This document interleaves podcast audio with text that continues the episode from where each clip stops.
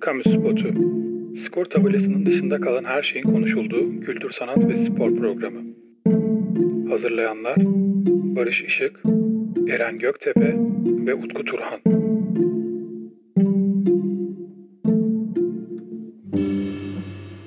Selamlar herkese. Kamu Spotu'nun yeni bölümüyle karşınızdayız. Efendim bildiğiniz üzere artık olimpiyatları konuşuyoruz.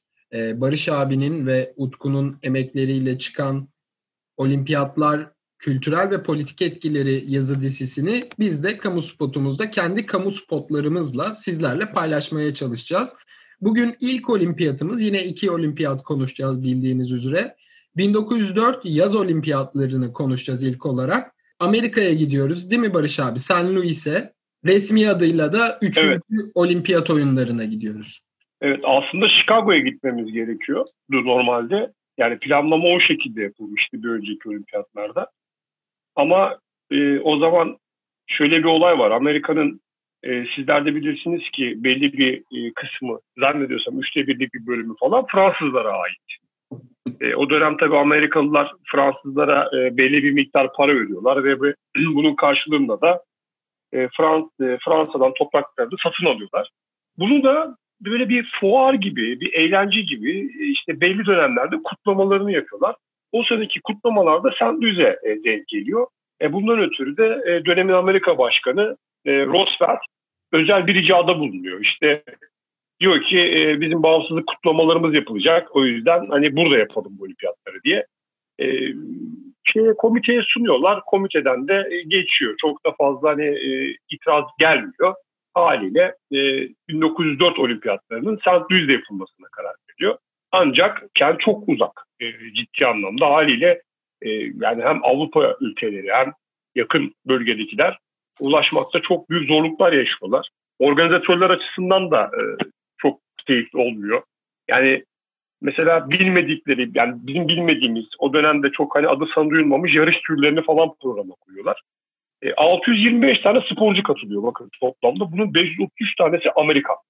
Yani e, resmen Amerika kendini çal, kendini oyna şeklinde bir olimpiyat düzenliyor. E, hatta o dönem Amerika'da işte bu olimpiyatlara yani sporcu hazırlayan iki tane önemli kulüp var. Bir tanesi işte New York Atletik, ötekisi de Chicago Atletik. Yani resmen bu ikisinin arasında geçiyor yarış. Ee, yani e, hangisi kazandı diye soracak olursanız çok az farklı da New York Atletik bu e, rekabetten üstün çıkıyor.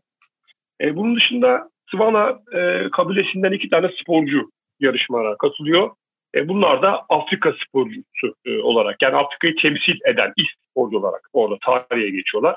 Yani Afrika'dan herhangi bir ülkeden katılmıyorlar ama Afrikalı olarak katılan ilk sporcular olduğu için bence kıymetli. Şimdi Amerikalı jimnastikçi George Acer de e, sol ayağı bir trafik kazasından sonra e, maalesef kaybediyor ve tamamen protest bir ayakla yarışmalara katılıyor. Buna rağmen tam 6 tane madalya kazanıyor. Bu da bence kıymetli ve değerli bir bilgi. Şimdi günümüzde atletizmde bununla alakalı bazı e, şeyler var. İlerleyen olimpiyatlarda bunu konuşacağız. Yani sanki böyle avantaj sağlıyor mu gibi itirazlar falan yapılıyor ama tabii o dönemin koşullarında ben pek avantaj sağladığını düşünmüyorum ki jimnastik sporu gerçekten e, zor bir spordur. Yani e, orada bence büyük bir azimle, büyük bir mücadeleyle oraya gelmiştir diye düşünüyorum. Ee, onun dışında şey hikayelerini bilirsiniz, duymuşsunuzdur arkadaşlar. Ee, bu maraton koşularında işte arabayla belli bir yere kadar gitti, orada indi, birinci oldu falan böyle bir sürü rivayetler vardır. Hemen hemen bütün şeylerde konuşulur bu. Hatta çok enteresan biz e, Gazi Üniversitesi'ne ilk girdiğimizde e, yanlış hatırlamıyorsam ya 10 Kasım'da olması lazım Atatürk koşusu düzenlenirdi. Meşhurdur bu her sene yapılır. Tabii bizler de öğrencilik yıllarımızda her sene bu koşulara katıldık ve içimizden bazı arkadaşlar da bu taktiği uygularlardı o zamanlar. Yani e, maraton koşmak kolay değil biliyorsunuz. Yani tabii ben ilk defa orada karşılaştım hani böyle bir hileye. Meğersem tarihin ilk dönemlerinden günümüze kadar da akta akmış bu. E, bu da Thomas Fred Gore e, işte 42 kilometrelik maraton koşusunun büyük bir bölümünü arabayla kat ettiği anlaşılıyor belli bir süre sonra ve diskalifiye ediyorlar. Ancak maraton yarışı yani o dönem yapılan yarış çok engebeli bir parkurda yapılıyor ve 32 derece sıcaklıkta gerçekleşiyor. e, çok enteresan 36 atletten sadece 14 tanesi zaten bu yarışı bitirebiliyor ki gerçekten çok e, zor bir olaymış bu. E, artık altın, gümüş, bronz madalyalar başlıyor arkadaşlar. E, Utku bize anlatmıştı ilk iki olimpiyatta farklı farklı şeyler olduğunu. Ben de çok farklı bahsetmiştim. E, Fransa'da işte ressamların sanat eserleri vardı. E, Yunanistan'da e, defne yaprakları vardı. E, ondan sonra plaketler falan vardı ama artık bu olimpiyatlardan itibaren altın, gümüş ve bronz madalyalar yürürlüğe giriyor. Onun dışında Kübalı atlet Jarvayal var. E, o da e, yarışın yapılacağı bölgeye maddi imkansızlıklar yüzünden koşarak gitmek zorunda kalıyor. Ya ben bunu aslında araştırdım biraz, baktım. Şöyle, e, bu aslında bir rivayet e, ama e, tam hani ne kadar gerçek, ne kadar değil bilmiyorum ama bu birçok kaynakta da karşıma çıktı benim açıkça. İşte Ekşi Sözlük'te de gördüm. Ondan sonra birkaç kitapta falan da yer vermişler. Ya ama hani böyle net bir kaynakla falan karşılaşmadım ama gündelik kıyafetleriyle yarışıyor ve iyi beslenememek yüzünden de rahatsızlanıyor. Ama ona rağmen koşuyu bırakmıyor ve yarışı dördüncü olarak bitiriyor. E bunun da başarısı, ciddi bir başarısı söz konusu. E, 110 metre engelli koşusu var. E, burada da e, koşunun finalinde Amerikalı atlet Smithson yarışların pazar günü yapılması nedeniyle elinde İncil'le koşarak protesto etmek istiyor yarışları. E, ve artık yavaş yavaş dini ögeler de olimpiyatlara böylece gördüğünüz gibi e, giriyor. Tabii yönetmelikte bunu engelleyici herhangi bir madde yok. E, o yüzden e, kendisine izin vermek zorunda kalıyorlar. Tabii ilk başta tuhaf gibi geliyor ama sonra tabii Smithson bir 15-0'lık bir derece elde ediyor ve bu da dünya rekoru olarak altın madalya kazanmasını sağlıyor. Yine e, 1904 oyunlarında mesafeli dalış alanında tuhaf bir oyun gerçekleşiyor.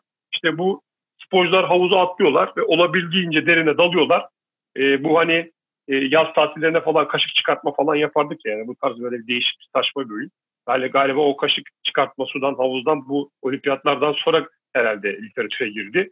İşte 60 saniye falan e, kafaları suyun e, üstüne çıkıncaya kadar işte suyun altında hareketsiz bekliyorlar. İşte böyle bir yarış, böyle bir e, müsabaka düzenleniyor. Tabii ki sonraki olimpiyatlarda falan çok fazla karşıma çıkmıyor. Ama e, 1904'te bu söz konusu. E, uzun metrajlı bir film e, maalesef gözüme çarpmadı. Araştırdım, baktım hani bu olimpiyatları araştırmak için. Kısa metrajlı birçok film mevcut. Yani benim e, Amerika ile ilgili, 3. olimpiyatlarla ilgili yani söyleyeceklerim bu kadar. Şimdi e, bu bahsettiğimiz tarihler 1904 tarihi için daha Birinci Dünya Savaşı bile yaşanmamış. İşte e, günümüz dünyasına çok uzak bir politik, siyasi atmosferden bahsediyoruz. Ben Wikipedia'ya girdiğimde olimpiyatlarla ilgili e, ülkelerin eski bayraklarını gördüm.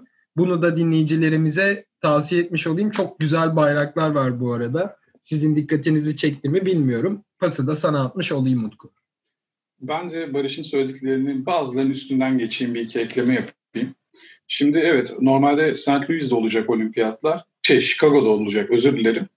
Fakat e, 1803 yılında e, zaten Barış da bahsetti bu toprakları Amerika Fransa'dan satın alıyor. 15 milyon dolar karşılığında.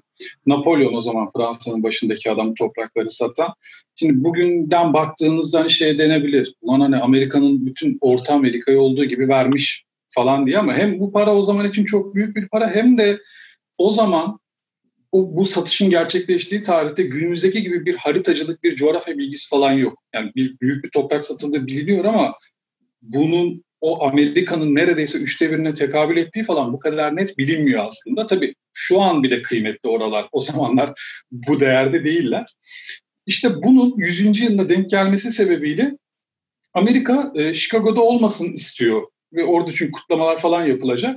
E, ve St. Louis'e taşınıyor olimpiyatla. Şimdi ben şöyle şeyler okudum. E, mesafe çok uzak olması sebebiyle e, Olimpiyat Komitesi'nin başındaki adam, o Fransız, şu an ismini yanlış telaffuz etmek için söylemiyorum ama Barış Ekler nasıl olsa az sonra, e, o, o bile gelmediği söyleniyor.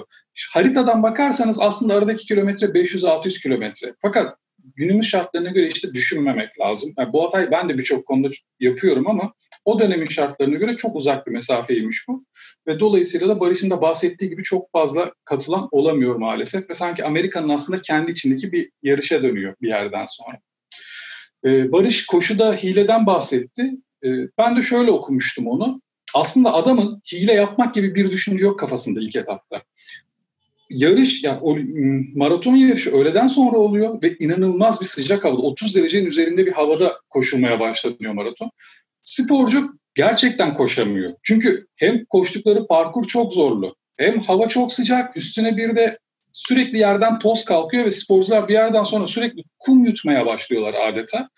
Ve bu e, hile yaptığı söylenen Frederick Lors gerçekten kötü hissettiği için kendini gidemeyeceği için yardım istiyor bir arabada. Araba onu alıyor fakat araba onu bıraktığı yerde bakıyor ki önünde finish var. Ya, ya diyor ki buraya kadar gelmişim şu finish'i de geçeyim. yani geçerken birinci olduğunu falan farkında değil ama adam finish'i geçtiğinde alkışlar, kutlamalar, birinci oldum falan o da bozuntuya vermiyor bir yerden sonra.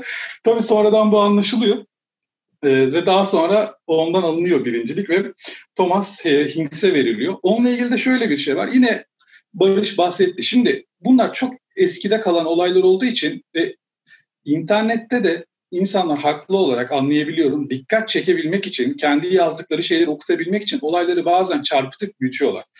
Şimdi bu resmi olarak birinci olan hile yapan atleti saymazsak e, birinci olan ama aslında yarışı ikinci bitiren Thomas Hick için de doping yaptığı söyleniyor ve bu dopingi fare zehiriyle yaptığı söyleniyor. Şimdi mantıken zaten bir insanın fare zehiri alarak doping yapması mümkün değil.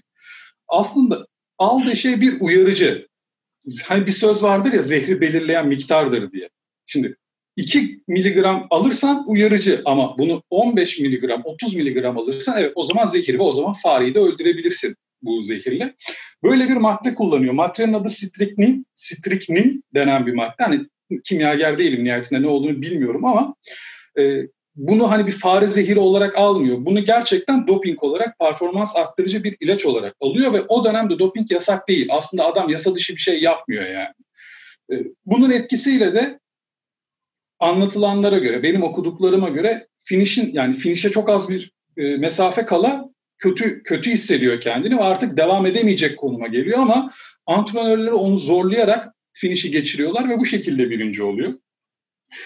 Ee, bir de bunu az önce ismini söylemediğim adamın adını şu an notlara bakıp söylüyorum. Pierre de Coubertin'miş e, Olimpiyat Komitesi Başkanı. Onun da mesafe uzak olduğu gerekçesiyle bu olimpiyatlara katılmadığı söyleniyor. Bu bana çok ilginç gelmişti. E, ne kadar uzak olabilir diye düşündüm. Mesafeyi de oradan biliyorum. Hani Chicago ile St. Louis arasının 500-600 kilometre olduğunu. Dediğim gibi günümüz için belki kat edilemeyecek bir mesafe değil ama dönemin şartları için uzakmış demek ki ki katılamamış atletler. Şimdi ben olayı şöyle yorumlayabiliyorum. Şimdi günümüzde biliyorsunuz arkadaşlar olimpiyat almak, olimpiyat e, yani yönetmek her ülkenin yani canı gönülden istediği hatta bunun için çok büyük bir mücadele verdiği, savaş verdiği bir olgu. Ama o dönemler maalesef çok fazla hani böyle e, bir ülke ortaya çıkıp da ben olimpiyat yapmak istiyorum, organize etmek istiyorum falan demiyor. Yani haliyle zaten biliyorsunuz Yunanistan'dan bahsederken yani antik oyunların oldu olmasından dolayı yani Koberti'nin de zaten öncülüğünde ilk olimpiyatların oraya verildiğini söylemiştik. Yani Amerika o zamanlar e, yani dünyada yine dev bir ülke ve bu organizasyonu isteyipçe alamama şansı yok ve karşısında çok fazla ciddi rakip de yok. Haliyle alıyor. Hani günümüzde olsa e, oraya verirler miydi? Çok zor. Yani Amerika'ya mutlaka verirlerdi belki ama yani öyle bir bölgeye e, vermezlerdi ama senin de söylediğin gibi günümüzün koşulları da tabii ki çok farklı. Bugün yani Amerika'nın en uzak bölgesine bile olimpiyatlar verildi sonuçta. Ben özel olimpiyatların da verildiğini biliyorum. Engelli oyunları da oynandı. Yani Amerika'da. Orada da herhangi bir problem ve herhangi bir sıkıntı yaşanmadı. Ama tabii dediğin gibi günümüzün teknolojisi çok çok farklı. Yani bu mesafelerin uzunluğu kısalığı tabii tartışılırken şundan da bahsetmek lazım. Biraz önce de söylediğim gibi daha Birinci Dünya Savaşı yaşanmamış. E, ile, iletişim ve ulaşım o kadar kolay bir şey değil. Bilmiyorum tarihine bakmadım ama hava taşımacılığı başlamamış bile olabilir. O tarihlerden bahsediyoruz. E, diğer olimpiyatımıza yavaş yavaş geçeceğiz. 1908 yılına gidiyoruz. Büyük Britanya'ya, Londra'ya. Bu sefer Londra'da yapılacak olimpiyatlar. Eren sen bizi oraya götürmeden ben bir araya gireyim. Şöyle bir şey okudum çünkü. 1906'da Atina'da bir olimpiyat daha yapılmış. Ee, yani olimpiyat komitesi bunu resmi bir olimpiyat olarak tanımlı, tanımıyor kesinlikle. E, fakat o dönem Atina'nın bunu yapmasına izin vermişler. Sebep de şu. Şimdi ilk iki olimpiyat e, fuarların gölgesinde kaldı falan dermiş. Bu şey ilk zaten Atina ile başlamıştı 1896. Ondan sonraki iki olimpiyatın fuarların gölgesinde kaldığı gerekçesiyle Atina tekrar bir olimpiyat düzenlemek istiyor. Fakat olimpiyatın kuralları çok sıkı. Dört yılda bir yapılacak deniyor yaz oyunları için. E, yine de yine burada aynı isimle karşılaşıyoruz. Pierre de Coubertin'in e, araya girmesiyle ki zaten olimpiyatların kurucusu kendisi Atina'nın böyle bir olimpiyat düzenlemesine izin veriliyor ama bir şartla buna diyorlar ki ara olimpiyat diye adlandıracağız bunu diyorlar. Ve o şekilde 1906'da Atina'da bir olimpiyat düzenleniyor. 20 ülke, 6 kadın, 848 erkek olmak üzere toplam 854 tane sporcu katılıyor bu olimpiyatlara. Yine madalya dağılımı oluyor, açılış töreni yapılıyor, ülkeler bayraklarla işte seremoniye çıkıyorlar vesaire. Ama dediğim gibi Olimpiyat Komitesi tarafından günümüzde bu resmi bir olimpiyat olarak tanım, tanınmıyor. Buradan bunu da söylemiş olayım, buradan geçelim 1908'e. Ya bu arada ciddi bir rakammış ama. Şeyi evet, ya katılan sayısı falan gayet ciddi. İkidir sizin lafınızın üstüne konuştum. Kusura bakmayın. Şeyi söylemeyi de unuttum ben. Utku sen söyleyince fark ettim. Notlarımın arasında var. 1904 yaz olimpiyatlarında Amerika'da da 6'sı kadın 651 e, sporcu var. Galiba bu ara olimpiyatlarda da 6 kadın varmış. Aynı kadınlar var. Onu merak ettim bak. Bir Aynen. Ya mesela şimdi hani 1906'da katılan daha fazla olmasının sebebi kesinlikle mesafeyle alakalıdır bu arada. Hani Amerika'ya gidilememesinin özellikle St. Louis'e gidilememesiyle alakalıdır o rakam farkı. Burada... Yani bu kadın sporcuların katılımları her geçen olimpiyatta artarak devam edecek. Ee, bir önceki programımızda da bunu konuştuk. Hatta ben araştırma yapacağımı söylemiştim. Tabii küçük bir araştırma değil, büyük bir araştırma yaptım. Ben biliyorsunuz meraklıyım abi. ee, şimdi erkeklerle yarışmamışlar arkadaşlar. Yalnız e, sınırlı sayıda tabii branşlar var. Onlar da yarışmışlar. Ben e, bu konuyu çok uzatmak istemiyorum. Net sebebi de şu. Ben e, olimpiyatlarda kadınlar diye ben bir bölüm mutlaka yapalım. O bölümle o bölümün içerisinde bunların geçmişini anlatalım istiyorum. E, diyerek bu konuyu şimdilik burada nokta alıyorum ama harika bilgiler edindiğimi söyleyebilirim. Süper, süper. O güne kadar biz de abi o olimpiyatlardaki kadın sporcular bölümüne kadar e, ben özellikle bunu kendime sürekli notlar alarak hatırlatmaya çalışıyorum. Olimpiyatlara katılan kadınların rakamlarını sürekli telaffuz etmeye çalışacağım. Evet arada vurgular yapalım tabii ki. Yani ufak ufak değinelim ama genel olarak onlar için özel bir program mutlaka yapalım. Evet efendim dediğimiz gibi şimdi Birleşmiş Krallığa, Britanya'ya, Londra'ya geçiyoruz. 1908 yaz olimpiyatlarına.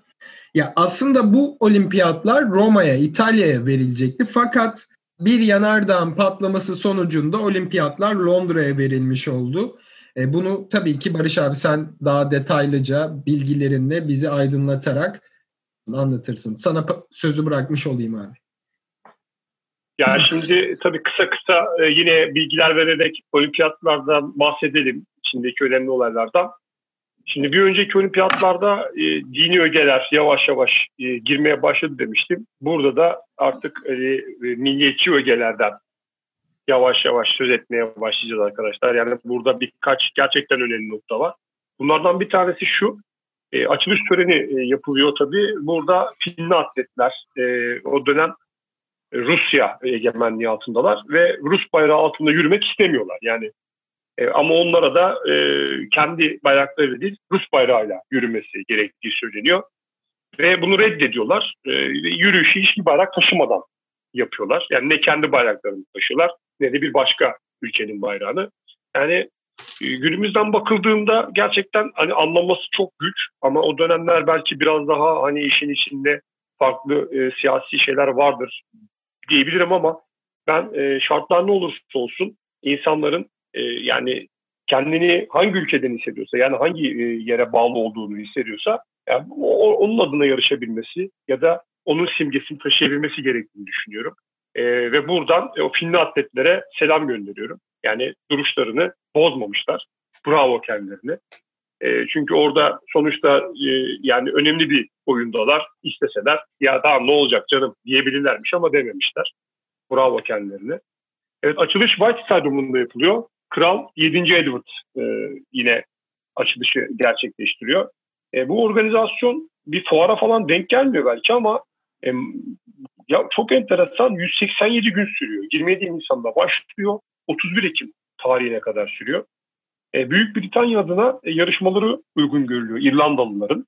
E, İrlandalılar da e, hayır diyorlar. E, biz e, kendi ülkemizi temsil etmek istiyoruz. O yüzden oyunlarda ayrılıyorlar, terk ediyorlar. Burada da bir yine bir ibare var. Bir milliyetçi bir ibare var. Yine devam ediyorum. Bununla alakalı yine güzel bir örnek daha var. E, Amerikan takımının bayrak taşıyıcısı Rob Rose e, her ülkenin yaptığı gibi bayrağını e, kraliyet tabakasına dikmeyi reddediyor. O da diyor ki yani bununla alakalı, bu davranışıyla alakalı e, bu bayrak diyor yani bizim bayrağımız hiçbir ölümlü kralın toprağını dikilemez diye bir açıklama yapıyor. E, işte birçok insan işte bir zamanlar İngiltere kralına karşı savaşan Amerikan kolonilerinin Tanrı inancıyla beslenmiş milletçiliğini orada görmüş oluyor. E, bunun üzerine de Amerika bayrağı stadın gönderine çekilmiyor arkadaşlar. Böyle bir enteresan bir durum. Ee, bunun dışında maraton yarışlarıyla alakalı şöyle e, bir bilgi vereyim size. E, maraton koşusunun uzunluğunu o zaman 26 mil olarak belirliyorlar. Bu da e, tam olarak işte e, 400 pardon 41 bin 842 e, tire 944 metreye tekamül ediyor. İşte bunu belirliyorlar ancak bu bitiş çizgisi yani yarışmanın başlangıcından sonuna olan çizgi e, İngiliz kraliyet ailesinin oturduğu yeri yani onların göremediği bir yere denk geliyor. E, ve sırf işte İngiliz kraliyet ailesi bu yarışın sonunu görebilsin diye arkadaşlar bu 385 yard daha bir çizgi ekleniyor. Bu da yaklaşık 914 metre. Yani bir kilometre yaklaşık. Ve maraton yarışı o günden beri 42 kilometre 195 metre olarak koşuluyor. Yani sebebi bu. Hani hep sorarlar ya maraton niye böyle işte 42 kilometre 195 metre. Hani bunun bir esprisi var mı diye sorarlarsa maalesef böyle bir esprisi var. Yani Burjuvazi burada abi olayı e, sonlandırıyor diyelim. E, Türkiye'den gelen bir sporcu var. E, Aleko Munos. Munos. E, kendisi e, Koberti'nin özel davetlisi olarak e, Osmanlı devleti temsilen orada bulunuyor. Ama e, şey falan değil. Yani Osmanlı Devleti bayrağı adı altında ya da işte bir Türk sporcu gibi yarışmıyor. E, bununla alakalı da e, bilgiler verecek bize birazdan. 60 yaşında Oscar Swan e, isimli bir sporcumuz var. Bundan bahsedelim. Kendisi atıcılık disiplininde çok başarılı bir performans sergiliyor. Sonrasında da altın madalya kazanıyor. Ve bu kazandığı altın madalyada kendisini işte en yaşlı olimpist e, olmasını sağlıyor. E, daha sonraki yarışmalarda daha yaşlılar e, sporcularımız e, çıkacak ama o zamana kadar e, Oscar Swan en yaşlımız. O yüzden kendisini burada analım. E, Avustralya ve Yeni Zelandalı atletler e, kendi ülkeleri değil Avustralasya isimli bir takım adı altında katılıyorlar. Yani tek bir e, takımı temsil ediyorlar. İki ülke bir arada yarışıyorlar. E, şey gibi o yani Azerbaycan'la Türkiye gibi. İki devlet bir millet. E, onun dışında e, Pierre de Coubertin e, konuşmasında e, Pensilvanya psikoposundan alıntı, yaparak işte önemli olan kazanmak değil oyunlarda yer almak cümlesini ilk olarak burada kullanıyor. Bu zaten ritüel olarak biliyorsunuz birçok yerde karşımıza çıkıyor. Olimpiyatlar deyince hep söylenen şeylerin başında gelir. Önemli olan kazanmak değil, yer almak. İşte bu e, cümleyi ilk burada kullanıyor. E, bu cümlenin e, şeyi de e, yani asıl sahibi de Pensilvanya'nın psikoposuymuş. Bunu da buradan dinleyicilerimize aktaralım. E, 22 tane ülke yarışmalara katılıyor. E, Eren'cim 36 tane bayan sporcumuz var. bu e, önemli bir bilgi çünkü artmaya devam ediyor bayanlar. E, toplam olarak da 2305 sporcu var. 109 tane de ayrı disiplinde yarışıyorlar. Yani artık yavaş yavaş e, olimpiyatlar bir spor oyunları olmaya e, yüz tutmaya başlıyor. E, futbol bizim asıl tutkumuz olan, asıl sevdamız olan e, futbol ilk defa bu olimpiyatlarla artık e, yani madalyalı branşlara dahil ediliyor. Yalnız biliyorsunuz e, olimpiyatların bu dönemki en büyük e, kuralı profesyonel olmamak. Yani profesyonel olan bir sporcu asla yarışamıyor. Hatta ceza alıyor biliyorsunuz. O yüzden sadece amatör takımlar katılıyor. Ve futbolun beşiği dediğimiz İngiltere'nin amatör takımı da e, Danimarka'yı finalde 2-0 yeniyor. Ve Büyük Britanya e, olimpiyat tarihine ilk futbol madalyalı ülke olarak geçmeyi başarıyor. Yine bu olimpiyatlarla alakalı da ben e, araştırdım. Maalesef bununla ilgili de uzun metrajlı bir film ya da işte e, orada yaşanan herhangi bir olayı aslında burada e, çok güzel konular var. Yani işte İrlandalı atletlerin boykotu var. İşte efendime söyleyeyim Finli atletlerin boykotu var. İşte Amerika takımının bayrak taşıyıcısının yaptığı boykot var. Yani bunlarla ilgili aslında güzel bir film yapılabilir miymiş? Yapılabilirmiş ama olmamış. Herhangi bir belgesele falan mı denk gelmedim. Kısa metrajdı yine internette bulabileceğimiz şeyler var. Yani bunun dışında maalesef e, çok fazla bir şeyle karşılaşmadım diyerek sözü sizlere bırakayım. Ben Eren bana pas atar diye bekledim de o yüzden sessizlik oldu. Ee, Barış bahsetti zaten bizi temsilen aslında bizi temsilen değil bireysel olarak bir sporcu katılıyor Osmanlı'dan. Onun bireysel olarak katılmasının sebebi şu. Şimdi 1907 yılında modern olimpiyatların kurucusu e, Baron Pierre de Coubertin İstanbul'u ziyarete geliyor ve burada Mühendishane-i Hümayun'un bir jimnastik hocası e, Selim Sırrı Bey ile görüşüyor. Bu arada bu Mühendise-i Hümayun yanlış telaffuz etmiş olabilirim ismini ama günümüzdeki İTÜ. İTÜ zaten birkaç defa isim değiştirmiştir tarihten beri ama çok köklü bir kurum zaten işte. E, oradaki jimnastik hocasıyla bir görüşme yapıyor ve kendisine bir de tercüman tahsis ediliyor İstanbul gezisi sırasında. Oraya katılan, bizi temsilen katılan sporcu aslında bu tercüman olan Galatasaray Lisesi öğrencisi, lisesi öğrencisi. Genç bir çocuk. E, jimnastik dalında katılıyor, derece alamıyor fakat o zaman dönemki olimpiyatlarda bütün sporcular için birden işte atıyorum o alanda diyelim ki 20 sporcu yarıştıysa birden 20'ye kadar bir sıralama yok diye biliyorum ben. O yüzden de derece alamamış olabilir. Yani ilk üçe giremediyse o yüzden derecesi olmayabilir. Kaçıncı olduğunu bilmiyoruz çünkü. Yani sonuncu olduğu gibi bir durum yok ama e, böyle bir bilgi yok. Osmanlı adına olmasa da nihayetinde bizden de bir sporcu katılmış oluyor bu olimpiyatlara. Bu olimpiyatlarda benim bir tane notum var üzerine konuşacağım. Çok ilginç bulduğum bir şey. Şimdi aslında 1904 olimpiyatlarından da bahsederken söyledim. Oradaki o işte doping yapıldı, fare zehirle doping yaptı, yaptırıldı bir sporcuya gibi bir haber, yazılar var internette. Bunların birazcık abartılan, dikkat çekmesi için birazcık çarpıtılan şeyler olduğunu söylemiştim. Buna benzer bir şey 1908 1908 Londra Olimpiyatlarında da var. Şimdi maraton koşusunu kazanan kişi Dorando Pietri diye İtalyan bir atlet.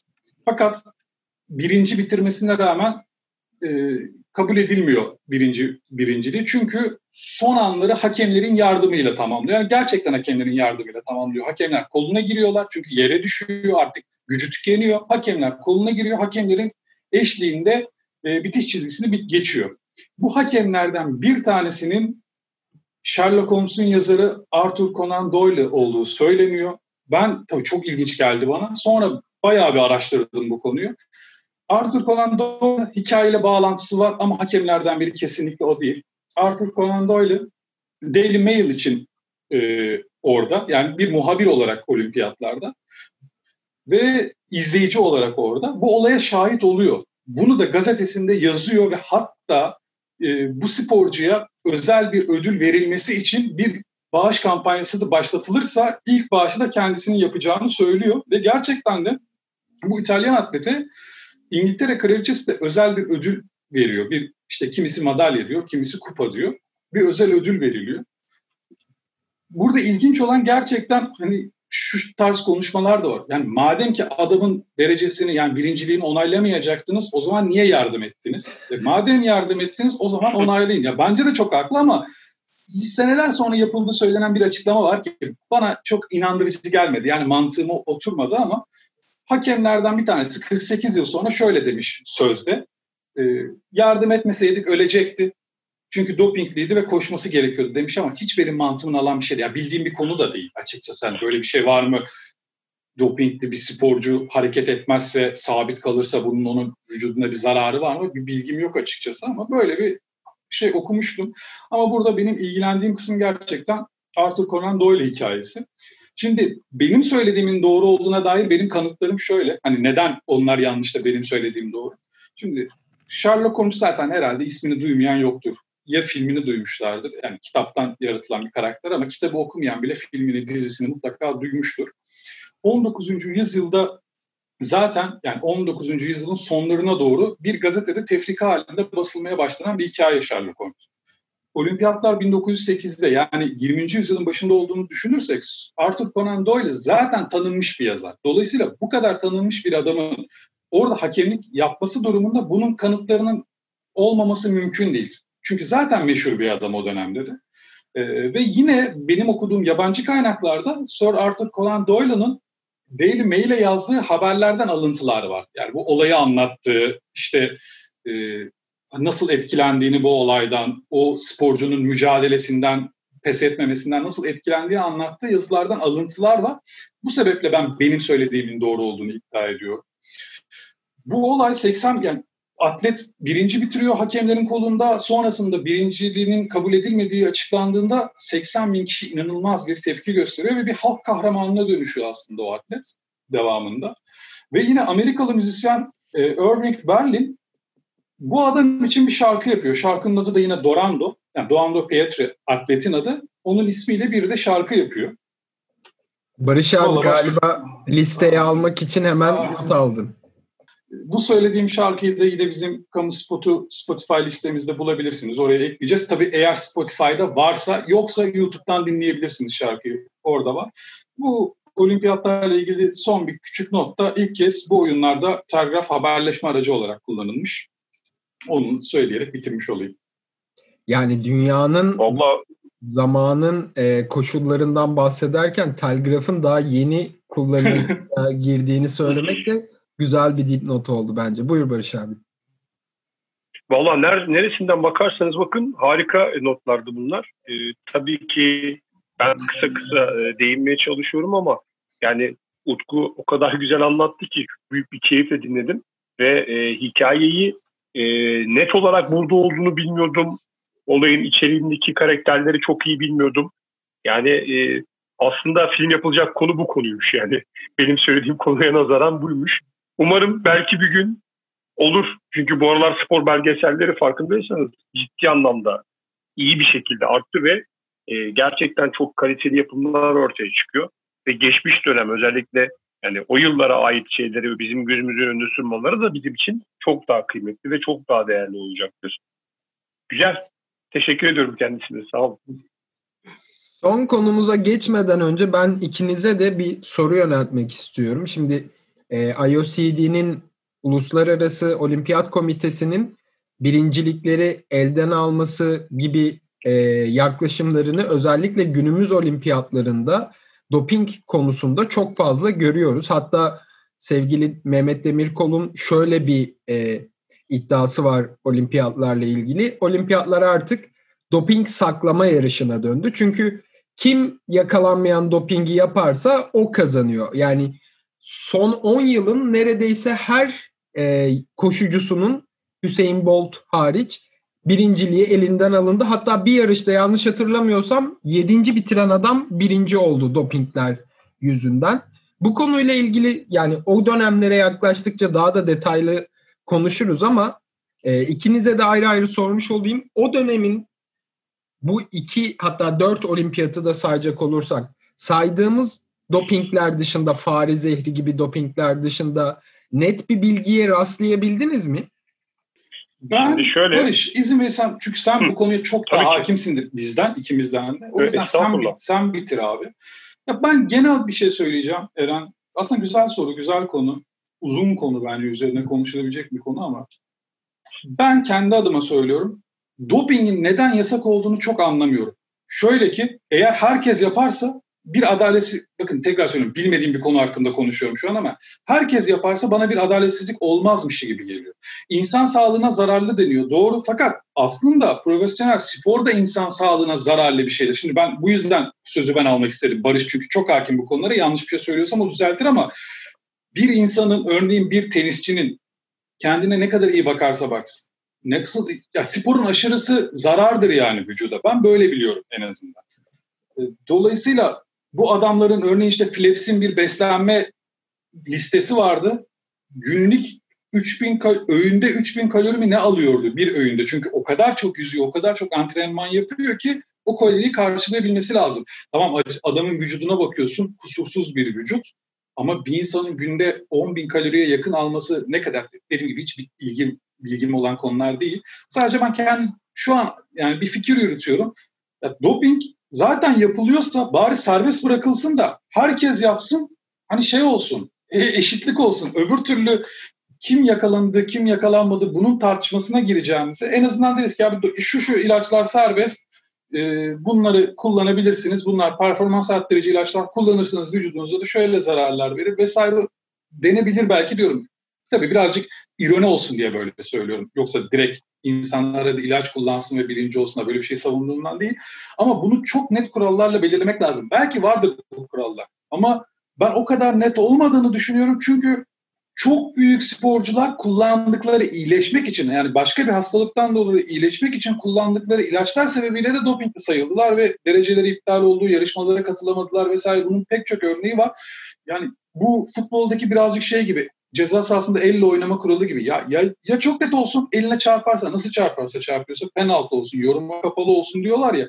Aynısı bu doping olayının bence çok daha net çizgilerle belirlenmesi lazım. Çünkü artık hiçbir şeyden emin olamıyorsun ya. Teknoloji gelişiyor ve 5 yıl önceki bir yarışta bile doping vardı iptal deniyor ve çok tat kaçırıcı bir şey bence bu. Şimdi ilk olimpiyatlarda hani üzerine konuştuğumuz bu olimpiyatlarda doping yapılıyor. Ama doping yapılmak için doping yapılmıyor. Yani daha doğrusu kullandıkları maddelerin yani doping olduğunu bilmiyorlar. Hatta size şöyle bir şey söyleyeyim. Ee, yani ben Gazi Üniversitesi'nde okudum yıllarda. Şimdi isim verip de e, buradan kimsenin kafasını karıştırmayayım. Yani olimpiyat sporcusu arkadaşlarım var benim. Yani oralarda yarışmış ya da oralara yarışmaya e, yani ramak kalmış sporcular bunlar. Bunların birçoğu e, aldıkları maddelerin doping olduğunu bilmediklerini iddia ediyorlardı. E, antrenörleri tarafından veriliyor. Şimdi bunun sebebi şu. İlk olimpiyatlarda mesela konuştuğumuz olimpiyatlarda zaten her şey amatör abi. E, insanlar çıkıyordu orada yarışıyorlar. Zaten diyor ya Kobertin önemli olan katılmak. E, aslında değil tabii. Yani o işin e, biraz da magazine, edebiyat kısmı. Ama e, yine de çıta bu kadar yüksek değil. Abi günümüzde bakıyorsun atletizmde elde edilen dereceler. Şimdi demin ne dedik? 110, 110 e, metrede 15.0'la dünya rekoru kırdı değil mi?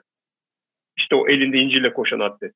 Şimdi şu an tam olarak bilmiyorum ama açın bakın internetten e, kim bilir nereye inmiştir o çıta. Hani nereden e, geçeceksin abi dünya rekorunu nasıl elde edeceksin? E, mecburen adamlar dediğin gibi bu tarz şeylere yöneliyorlar. Artı yani sporcunun tek başına yaptığı işler değil bunlar. Bu adamın diyetisyeni var, bu adamın antrenörü var, şu var, bu su var. Yani sonuçta adama diyor ki bunu içeceksin, bunu yiyeceksin değil mi? Bunu alacaksın, bununla yatacaksın, bununla kalkacaksın. Bu adam buna itiraz edemez, mümkün. Şimdi e, demin sen söyledin e, bir listesi var. Evet VADA listesi var. E, dopingli işte yasak maddelerin listesi var. Hatta işte bizim e, biliyorsunuz spor salonumuz var ve spor salonunda da o bulunmak zorunda. Bütün spor salonları. Ama tabii bunlar hani orada şifayen duruyor. Yani sporcular bunun birçoğunu anlamıyor bile. Yani isim listesi ben de birçok görüyorum ama hani ne hangisi yasak hangisi yasak değil. Ee, şeyin söylediği de Eren'in söylediği de hani bu belgesel Aykarus belgeseli çıktı ya. Ikarus mu Aykarus mu nasıl telaffuz ediliyor? Ee, ben bunu e, büyük bir zevkle e, izledim. Yani şimdi orada zaten hani gözler önüne seriyor. Yani e, şimdi kaçabilenler var, kurtulabilenler var değil mi? Bir de kurtulamayanlar. Kurtulamayanlar suçluymuş gibi gözüküyor. E, diğerleri masummuş gibi gözüküyor. E şimdi e, bu yaz büyük bir ihtimal olimpiyatlar yapılacak. Geçen sene işte pandemiden dolayı yapılmadı. Bu sene yapılması planlanıyor. E şimdi Rusya'nın hala da e, açıklanmadı galiba. Tam net bilmiyorum. Rusya yok galiba ya da ol, olmama ihtimali çok büyük. İşte bu e, belgeseldeki o yaşanan mevzulardan dolayı. Yani böyle bir ceza alması söz konusu. Peki diğer ülkeler ne kadar masum? Ya da acaba Rusya olduğu için mi bu cezayı alıyor? İşin içinde siyaset var mı? Yani çok farklı konular var aslında işin içerisinde. Ya yani aslında daha var. Önümüzdeki olimpiyatlarda konuşacağız. Bakın çok enteresan arkadaşlar. Masa tenisi. 1988'den önce girmemiş mesela olimpiyatlara. Neden? Çünkü uzak doğu ülkeleri başarılı diye. Amerika'nın başarılı olduğu bir spor olsaydı değil mi? 40 defa koyacaklardı bunu. Ya bunun gibi böyle bir sürü şey var. Aslında konuşacağız. Ya bunları ben hani şey yapmak istemiyorum. Yani böyle şimdiden e, heyecanlı bir şekilde anlatıp işte o yıllara geldiğimizde tekrar tekrar hani insanlara e, söylemek istemiyorum ama hani şimdi sözü gelmişken hani böyle söyledim. E, dopingle alakalı da e, çok çok güzel şeyler var. Olacak. Önümüzdeki programlarda mutlaka açacağız. Ama şimdilik ben bu kadar söyleyeyim. Ben bunları söyleyeyim yeterli. Bu arada Barış abinin... Sorunun cevabı oldum ama. Bence güzel cevap oldu abi. Bu arada senin dediğin şey de çok önemli. Yani masa tenisi şu anda sadece uzak doğuluların devşirilerek başka ülkeler adına oynadığı bir spora dönüşmüş durumda. Yani o da hakikaten biraz ilginç bir durum. Şey de bu arada çok katılıyorum ben sana Barış abi. Yani Rusya'nın son iki olimpiyata galiba komple ülke olarak yasaklanıp gidememeleri falan e, bu soğuk savaş döneminde aslında doping savaşlarının başlamasına ve Sovyetlerin Rusya'nın savaşı kaybetmesine de biraz yorabiliriz. Bunları dediğin gibi geldiğimizde konuşacağız. Barış, profesyonel spor zararlı mıdır abi? Yani İnsan vücuduna zarar verir mi? Bak, harika, bak harika bir şey söyledin biliyor musun? Evet zarar veriyor abi. Ya mesela bisiklet. İzlediğiniz belgeselde sıkıldı adamın ağzına. Gördünüz işte.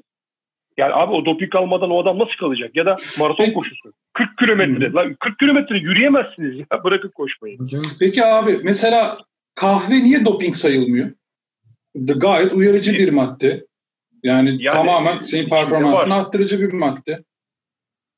Ama onun da bildiğim kadarıyla yanlış bilmiyorsam yarışmadan belli bir saat önce alamıyorsun. Anladım. anladım. Var, var onun da bir var onun da bir şeyi. Ya bir de bu yani, yıllar şey yılları bu arada yani bu yıl ya 1908'den bahsediyoruz. Daha morfinin, kokainin filan yasal olduğu yani illegal olmadığı en azından yıllardan bahsediyoruz.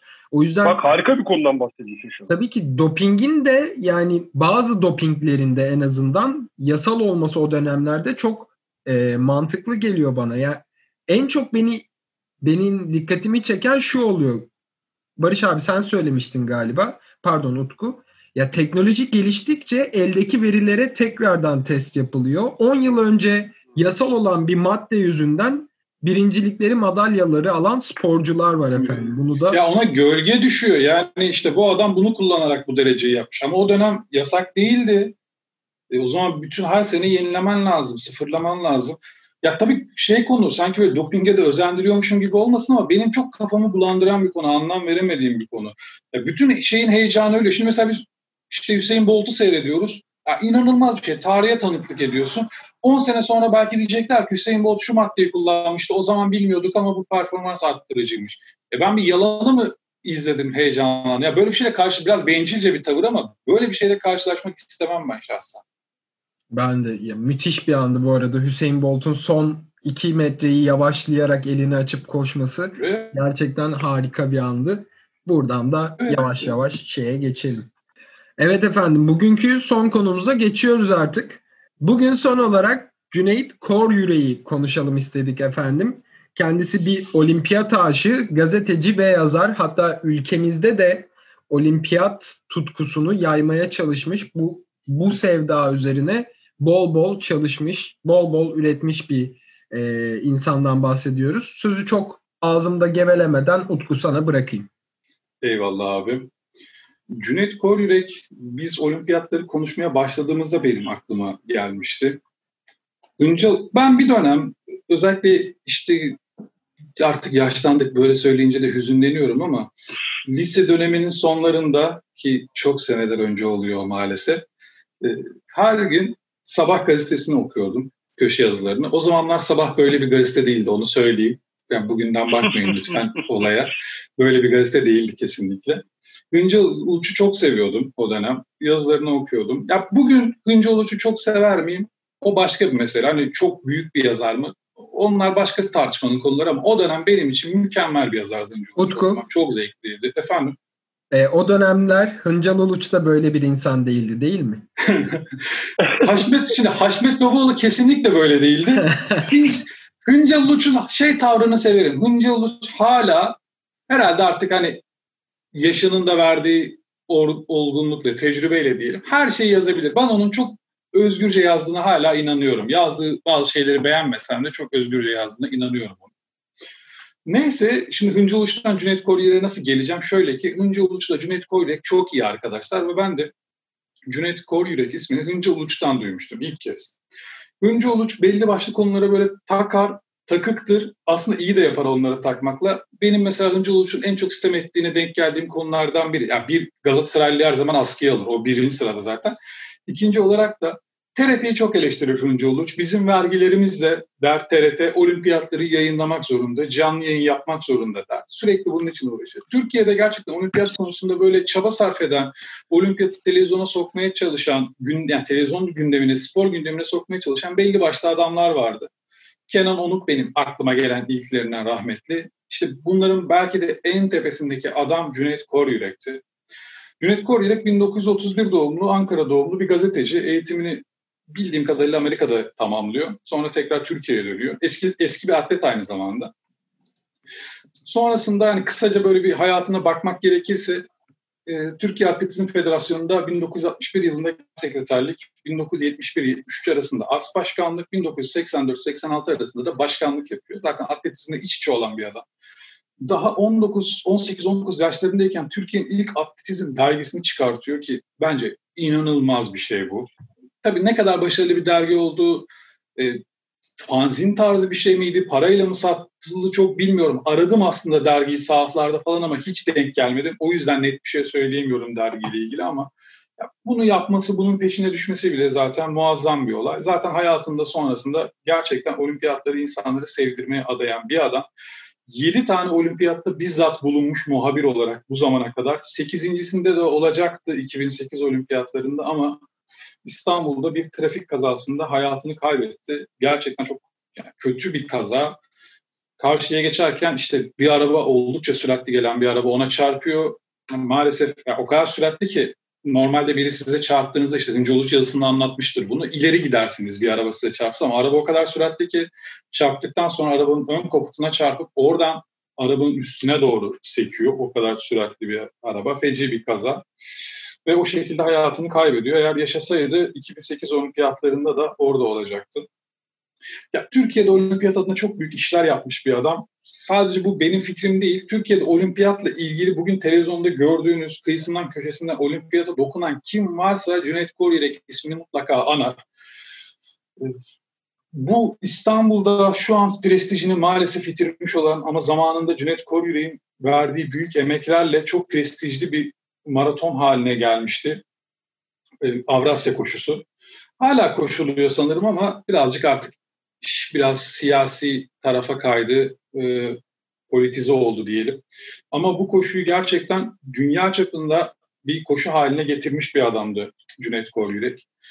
Kendisinin bir sitesi var. Neyse ki hala site aktif. Orada hem kendisinin yaptıklarını hem kendisi hakkında yazılan yazıları çok net şekilde bulabilirsiniz. Türkiye'nin olimpiyat düzenlemesini çok isteyen bir adamdı. Bu anlamda siyasileri de rehberlik eden bir adamdı. Olimpiyatların nasıl alınabileceğiyle ilgili bir kitapçık hazırlamıştı. Kendisini tabii tanıyanlarından benim duyduğum kadarıyla inanılmaz bir e, hafızası olduğu, neredeyse işte her olimpiyattaki özellikle sprint koşularıyla çok ilgiliydi, kısa mesafe koşularıyla ve derecelerin hepsinin ezberinde olduğu söylenirdi. Ben de açıkçası YouTube'da bir programı denk geldim, izleme şansım oldu. Ya gerçekten de çok hakim konulara. Bir atletten bahsedildiğinde hemen o atletin geçmişiyle ilgili hiçbir yere bakmadan direkt spontane olarak çok detaylı bilgiler verebilen bir adam. Hatta öyle ki biz az sen de konuşmanın bir yerinde değinmiştim. Haklı bir sistemdi ben. Ben senin gibi düşünüyorum bu arada ama bu devşirme sporculara Cüneyt Koryerek mesela buna karşıydı böyle denmesine. Diyordu ki bu bütün dünyada var ve bunu dediğinde sunucu kendisine bir örnek verip ama mesela bunlar dedi orada yetişme dediğinde bir anda o bahsedilen sporcunun mazisini anlatıp işte aslında orada yetişme değil şu zamanda geldi şöyleydi böyleydi diye anlatabilen bir adamdı. Bunun dışında çok büyük bir entelektüel olduğu söyleniyor. Kitap okumayı çok sevdiği ve çevresindekileri de mutlaka okuttuğundan bahsediliyor. Hıncı Uluç'la Hıncı Uluç 18 o 28 yaşındayken tanışmışlar ve Türkiye'nin ilk halkla ilişkiler ajansını kuran adam aynı zamanda Cüneyt Korgülü. Ve bu ajansta da Hıncı Uluç'la beraber çalışmışlar. Hıncı Uluç yazdığı bir yazıda bu ajanstaki ilk gününü anlatırken şöyle der. Ben gittim, bana bir masa verdi, oturdum, önüme kitaplar koydu, bunları bir hafta içinde okuyacaksın dedi. Ve işim bu senindir demiş diye yazmıştı yazısında. Yine onu tanıyan herkes, bütün arkadaşları onun sürekli okuduğundan, sürekli bir şeyler öğrenmeye çalıştığından bahseder. Cüneyt Koryürek yine kendi sözlerinde ben der, ya bütün insanlar cahildir, ben de cahilim ama daha az cahil olmak için uğraşıyorum diyen bir adam. Ee, onun röportajlarını bulursanız, ulaşabilirseniz, videolarını dinlerseniz şöyle bir şey görebilirsiniz.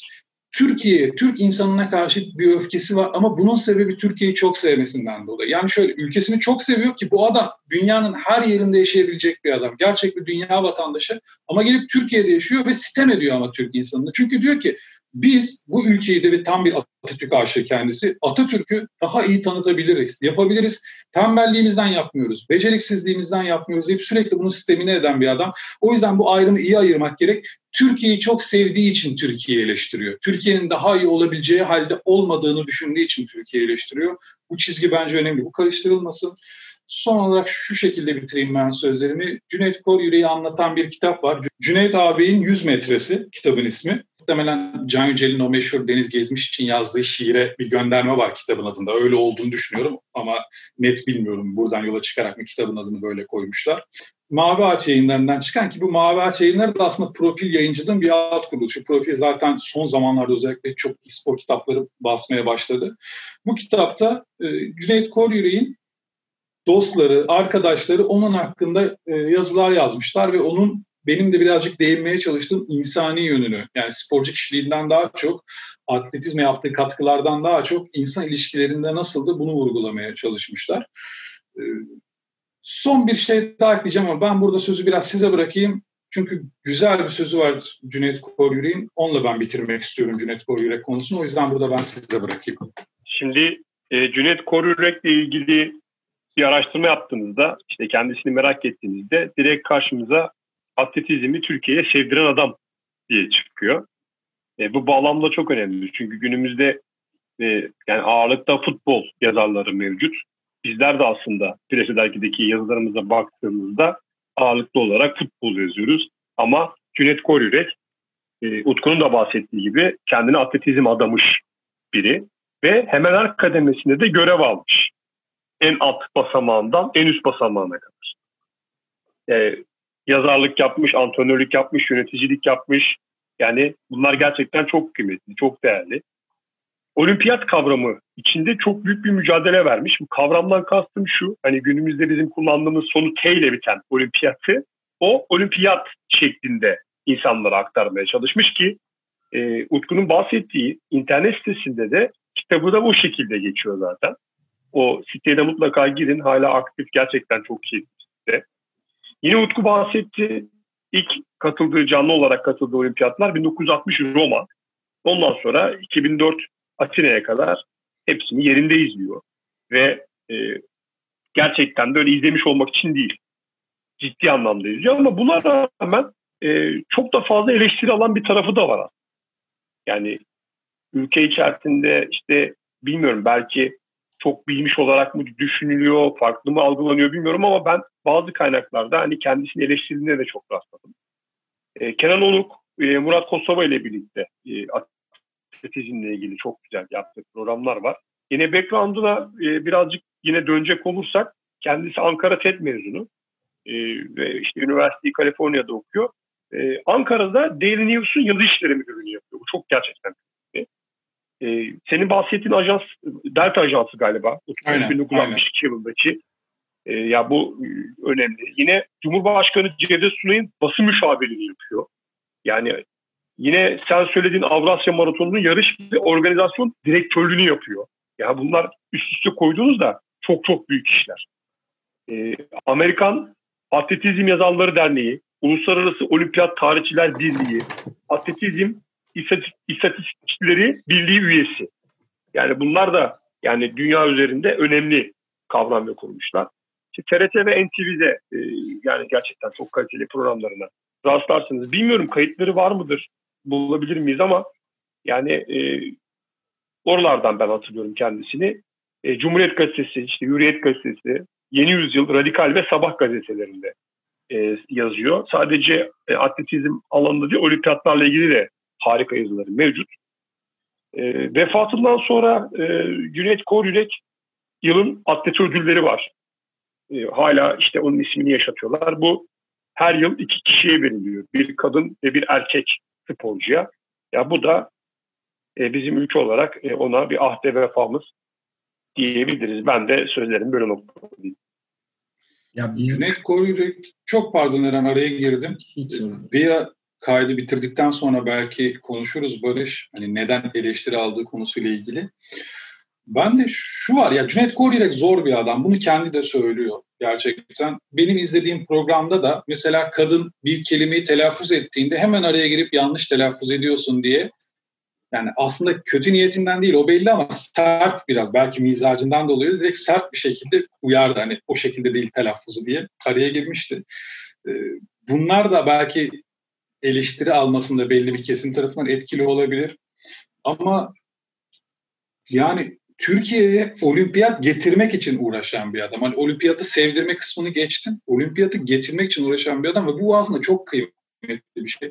Çünkü bir şey insanlara göstermezsen insanların o görmedikleri bir şeyi sevmelerini bekleyemezsin. Çok zor bir ihtimal. Evet günümüzde biraz daha şanslıyız. İnternet var, YouTube var, bir şeylere ulaşmak daha kolay ve oradan kendi ilgi alanımıza, ilgi alanımıza uygun şeyleri daha kolay bulabiliyoruz ve sevebiliyoruz onları ve sevdiğimiz bir şeyle hakkında bilgi edinmek de günümüzde çok kolay ama e, Cüneyt Koryürek'in bu işleri yaptığı zamanlarda bu işler bu kadar kolay değildi. Ve ben açıkçası özellikle 19 yaşında bir atletizm dergisi çıkar mısın? Ben bugün bu ülkede atletizm dergisi çıkıyor mu bilmiyorum. Benim cehaletimdir çıkıyorsa. Ama 19 yaşında buna heves etmesi, bu kadar kendisi için tutkulu olan bir şeyin peşinden gitmesi ve bunu isteseydi bireysel olarak bunu yaşayabilirdi. Bunu yapabilecek imkanı var. Ya dediğim gibi yurt dışında da yaşayabilirdi ama öyle yapmıyor. Bu ülkede bir şeyleri yapmaya çalışıyor. Bu ülke insanına bir şeyleri sevdirmeye çalışıyor. O yüzden ben gerçekten çok etkileniyorum yaptıklarından. Ya bu arada... Runners diye bir dergi var zannediyorsam. Atletizm dergisi değil ama koşu üzerine bir dergi. Yani orada biraz daha çok hani şey gibi düşünün. İşte bu fitness dergileri falan var ya. Hani salonlarda ne tarz hı hı. işte spor yapacaksınız, nasıl besleneceksiniz, işte hangi kıyafetleri giyin. Yani yarı reklam, yani reklam demeyelim de tanıtım diyelim. Yarı da işte e, yine ama bir de şey değil aylık da çıkıyor bu. Mevsimlik olarak çıkıyor. Bildiğim kadarıyla yılda dört defa çıkıyor. Böyle bir dergi mevcut. Onun dışında yok ama dediğin gibi gerçekten 19 yaşında bir dergi yapmak çok kıymetli ki burada Plase dergiye de aslında bir alkış yapalım. Çünkü bu derginin de e, sen de biliyorsun ki yani kurucu arkadaşları çok genç arkadaşlar. Hı hı. E, ve öz, yani bu çok büyük bir özveriyle bu işi yapıyorlar. Bizler de onlara elimizden geldiğince destek olmaya çalışıyoruz. Yani bu bağlamda gerçekten 19 yaşında bir insanın bir dergi çıkartması ki basın dergi çıkartması gerçekten takdire şahan. Kesinlikle. Bu arada bu eleştiriler konusunda ben de Utku'ya katılıyorum. Çünkü Can Bartu'nun, Senior Bartu'nun da çok çalışması zor bir insan olduğunu, çok mükemmelliyetçi olduğunu ama bahsederken de harika bir sporcu, harika bir yazar diye bahsedilir her zaman için. Böyle örneklere rastlayabiliyoruz. Biz yine de Cüneyt Koryürek gibi güzel insanları böyle tutkulu ve e, bir şeyler yapmaya kendine misyon edinmiş insanları sizlerle paylaşmaya devam edeceğiz efendim. Bunu da buradan e, dile getirmiş olalım. Hatta Senior Bartu'nun da zamanı geldiğinde büyük ihtimalle onu da keyifle konuşacağızdır. E, kaldı mı notlarınız arkadaşlar? Geçelim mi tavsiyelere? Ben bir sözüyle bitireyim ben Cüneyt Koryüreği. O şöyle bir şey söylüyor. Medeniyetin kelimeleri vardır. Bazı kelimeleri vardır diyor. Bunlar merhaba, nasılsın, lütfen, teşekkür ederim, özür dilerim. Bunların hepsi kıymetli kelimeler. Gün içinde kullanılması gereken kelimeler mutlaka ama bir tanesi var ki diyor o en önemlisi o da bilmiyorum. Bilmiyorum demekten korkmamak gerek e, ve bilmiyorum diyebilmek gerek diyor. Benim çok hoşuma gitmişti. Bu, bu ülkedeki bence en, en büyük sorunlardan biri de gerçekten insanlar bilmiyorum diyemiyorlar. Bunu çok garip sokak röportajlarının izleyip güldüğümüz sokak röportajlarının bence en önemli sebeplerinden biri bu. İnsanlar bilmiyorum demekten korkuyorlar çünkü. Oysa ki bilmiyorum diyemez demezsen hiç öğrenemezsin. Size bir soru yani ben de... ben de. Sen devam et ben geyik bir soru soracaktım hiç şey yapmayalım. Yani şimdi ben burada e, şunu söyleyecektim. E, yani ben de Cüneyt Koryüre'ye aslında katılmıyor değilim. Ya ben de katlanamıyorum aslında. Yani şöyle şimdi cahil insan dedikleri bir figür var ya bu değil. Yani bilgisiz insanla katlanamıyorum abi. Yani ya da bilmediği halde işte anlattığı gibi Utku'nun Yani yorum yapan her şeye e, bir şeyler yani mutlaka bir şeyler söyleyen insanlara ben de katlanamıyorum. E, şimdi bu adam da gerçekten yani baktığınız zaman almış olduğu eğitim işte background'u ortada yani. O yüzden belki diğerlerinin yanında biraz daha ön planda e, olmuştur. Bundan ötürü de eleştirilmiştir. E, çok da fazla açmadan böyle kapatayım konuyu. O zaman yavaş yavaş tavsiye bölümüne geçelim istiyorsanız. Geçelim ama senin sorun vardı ben merak ettim. Evet, sorun vardı. Bize? Ya ben tamamen geyik amaçlı siz en son ne zaman bilmiyorum dediniz arkadaşlar diyecektim. İyi ki de araya kaynadı yani çok da öyle üstünde durulacak bir şey değil. Estağfurullah. Yine de sorayım istiyorsanız. Valla ben çok söylüyorum. Özellikle ekonomiyle ilgili bir soru sorulduğunda e, ben ekonomiden pek anlamam diyerek başlıyorum. E, geçen arkadaş bir şey anlatmıştı deyip örnek veriyorum o kadar. Mesela ekonomi alanında çok konuşmuyorum mesela. Eren şey diyormuş, ironi, ironi yapmak için diyorum. Hayır, en son ne zaman bilmiyorum dedin Utku? Bilmiyorum Eren.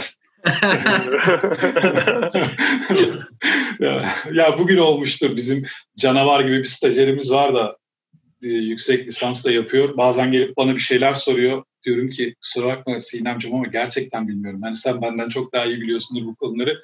Çünkü sürekli çalışıyorsun bunun üzerine yardımcı olamayacağım diyorum. Kusura bakma o bana yardımcı oluyor sıklıkla sağ olsun. Sen ama çok bilmiyorum diyorsun. Utku ben fark ediyorum bak bu programda hani işte da çok yok. Bilmiyorum çünkü. evet abi. Bazen... Ö- öğrenmek abi. Bilmemek değil öğrenmemek. Ya- var ya. Araştırmak, okumak. Ya tabii ki bilmediğimiz birçok şey var.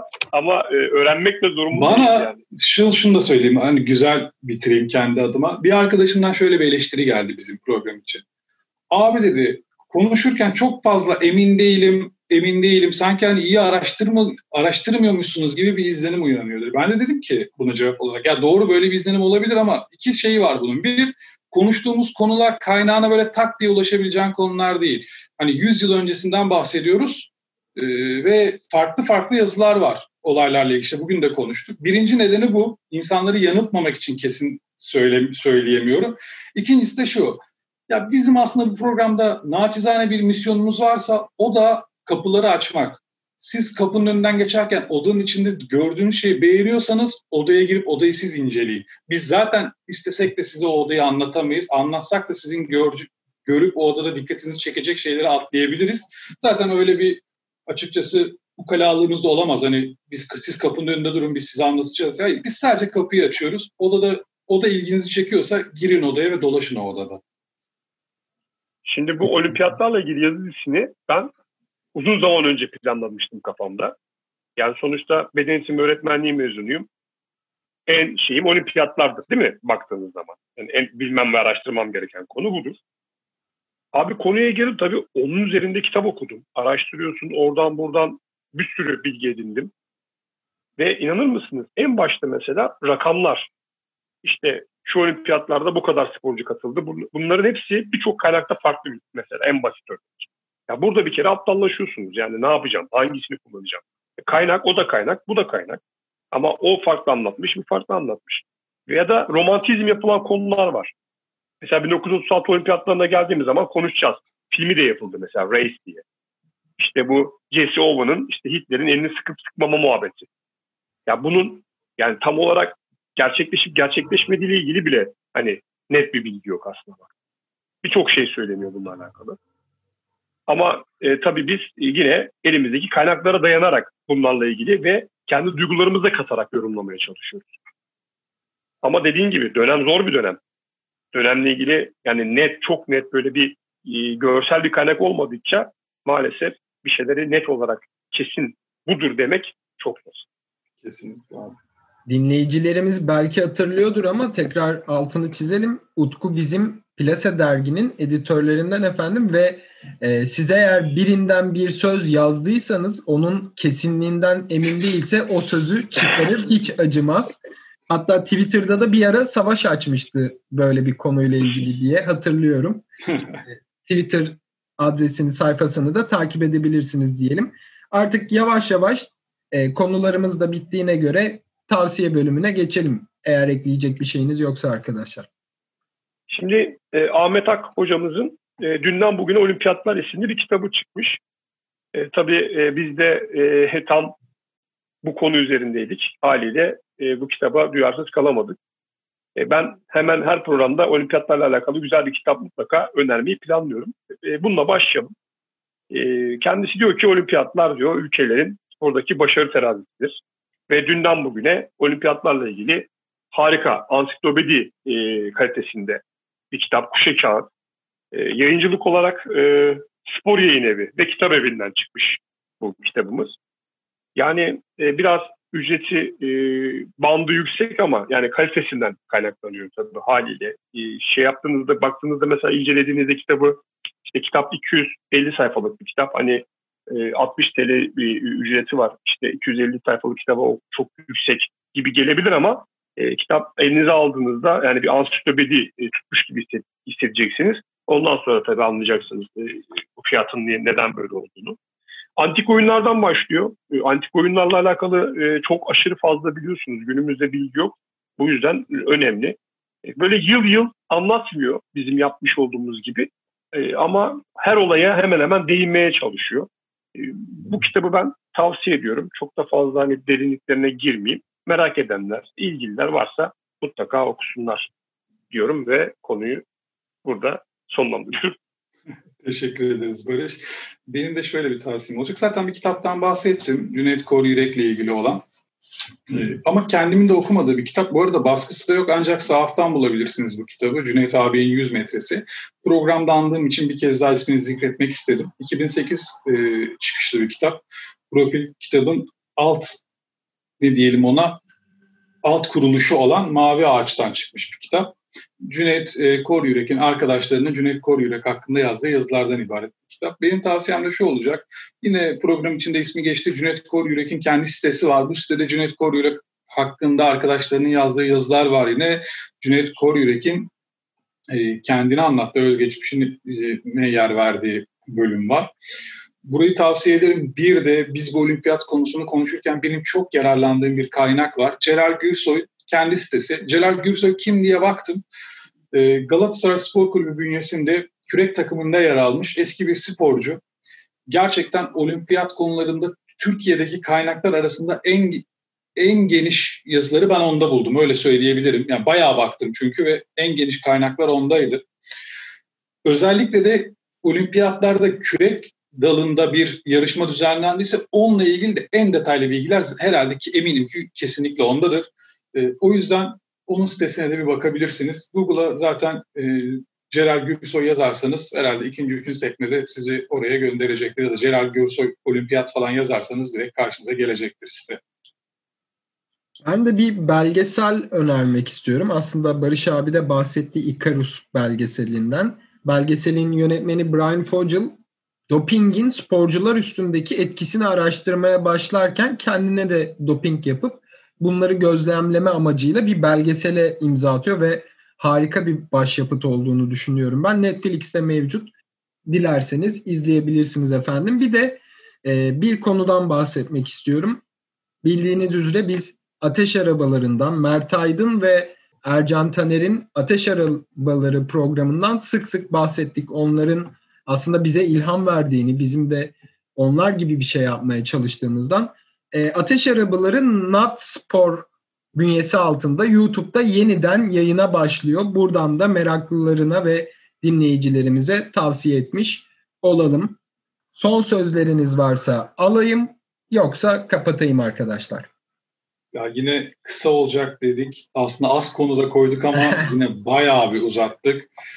Daha kısa yapmaya çalışıyoruz. Gerçekten uğraşıyoruz. Kısa tutalım diyoruz ama bu kadar da yine de kısaltmak için elimizden geleni yapacağız bir sonraki programda. Öyle diyeyim ben de. Görüşmek üzere bir sonraki programda. Barış abi. Valla bizi dinlemeye devam edin arkadaşlar diyorum. Ee, ya bizi ve bizi dinleyen tüm dinleyicilerimize de çok teşekkür ediyorum. Önümüzdeki hafta inşallah bir aksilik olmazsa geçen hafta e, küçük bir ara vermiştik. Aksilik olmazsa inşallah tekrar görüşmek dileğiyle.